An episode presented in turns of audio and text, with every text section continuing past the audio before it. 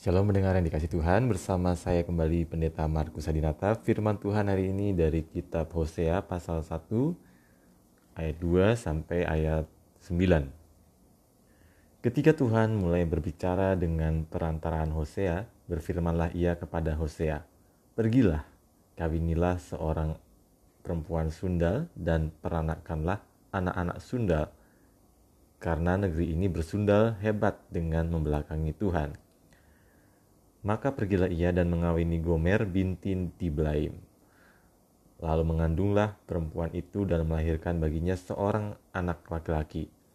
Kemudian berfirmanlah Tuhan kepada Hosea, Berilah nama Yisrael kepada anak itu, sebab sedikit waktu lagi maka aku akan menghukum keluarga Yehu karena hutang darah Yisrael, dan aku akan mengakhiri pemerintahan kaum Israel maka pada waktu itu aku, aku akan mematahkan busur panah Israel di lembah Israel. Lalu perempuan itu mengandung lagi dan melahirkan seorang anak perempuan. Berfirmalah Tuhan kepada Hosea, berilah nama Lo Ruhama kepada anak itu, sebab aku tidak akan menyayangi lagi kaum Israel dan sama sekali tidak akan mengampuni mereka tetapi aku akan menyayangi kaum Yehuda dan menyelamatkan mereka demi Tuhan Allah mereka. Aku akan menyelamatkan mereka bukan dengan panah atau pedang, dengan alat perang atau dengan kuda dan orang-orang berkuda. Sesudah menyapi Lo Ruhama, mengandunglah perempuan itu lagi dan melahirkan seorang anak laki-laki. Lalu berfirmanlah ia, berilah nama Lo Ami kepada anak itu, sebab kamu ini bukanlah umatku dan aku ini bukanlah Allahmu. Mendengar yang dikasih Tuhan, menarik dalam kitab Hosea yang tadi kita baca, hubungan atau relasi antara Allah dengan umat Israel digambarkan ibarat hubungan suami istri. Hosea diperintahkan oleh Tuhan untuk pergi mengawini seorang perempuan Sunda, perempuan yang tidak baik-baik, perempuan yang tidak setia. Lalu Hosea disuruh juga untuk memperanakan anak-anak dari perempuan tadi.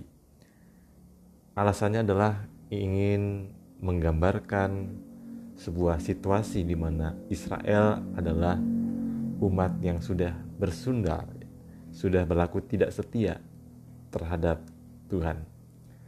Maka pergilah Hosea dan dia mengawini seorang perempuan yang bernama Gomer binti Diblaim. Dan kemudian lahirlah seorang anak laki-laki yang diberikan nama Israel yang punya makna bahwa sedikit waktu lagi Tuhan akan menghukum keluarga Yehu karena hutang darah Israel. Dan kemudian anak berikutnya lahir dan diberi nama Lo Ruhama yang artinya adalah bahwa Tuhan tidak akan menyayangi lagi kaum Israel. Dan kemudian anak yang ketiga yang dilahirkan dari perempuan Sundal tadi adalah diberi nama Lo Ami. Artinya adalah bahwa kamu ini bukanlah umatku dan aku ini bukanlah Allahmu. Menarik di sini sifat hubungan Allah dengan umat Israel yang tidak selalu harmonis. Allah digambarkan punya ekspektasi yang cukup tinggi terhadap umatnya supaya mereka berlaku setia kepadanya.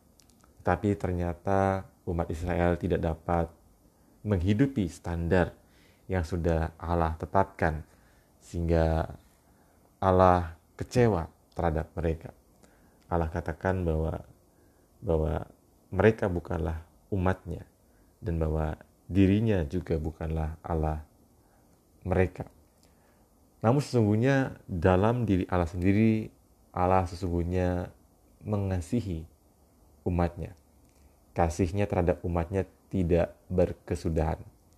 Dan karena kasih setia itulah yang menyebabkan Allah selalu mau untuk dapat mengampuni umatnya dan kembali berelasi dengan mereka.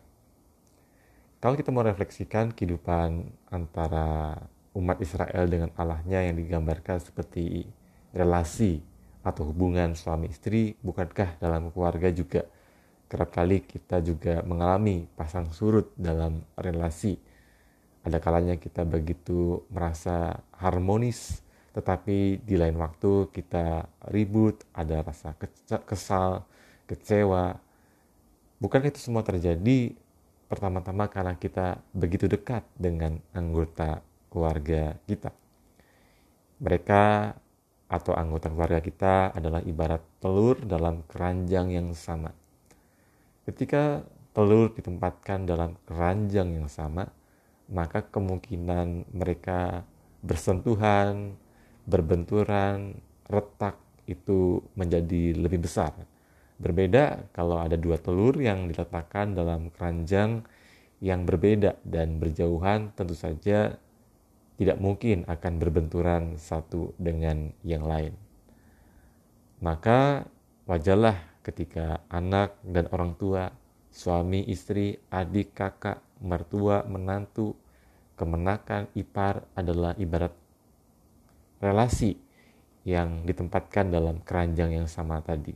Berdekatan, kan itu mudah juga berbenturan. Tetapi sesungguhnya mereka saling membutuhkan dan saling mencintai.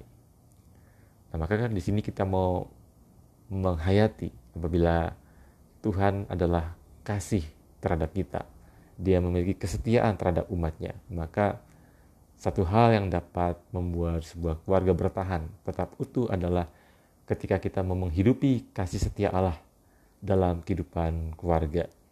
Tidak soal kita pernah ribut, kita mungkin pernah merasa kecewa, kesal, marah, rindu, dan seterusnya tetapi ada satu hal yang mempersatukan yaitu di mana kasih setia Allah yang boleh kita hayati sehingga bagaimanapun situasi yang dihadapi, keadaan yang terjadi, kita tetap menyayangi, kita tetap mencintai keluarga kita.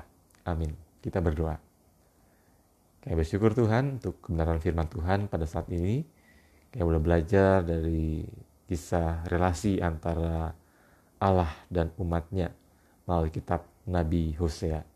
Kayak menyadari bahwa dalam hidup kami, kami kerap berubah setia terhadap Tuhan. Tetapi Engkau adalah Allah yang tetap menaruh kasih setianya kepada kami. Dan bila ini menjadi dasar bagi kami dalam menjalani relasi hidup di dalam keluarga kami.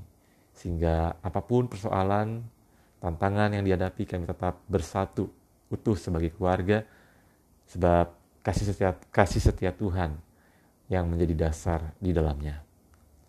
Amin.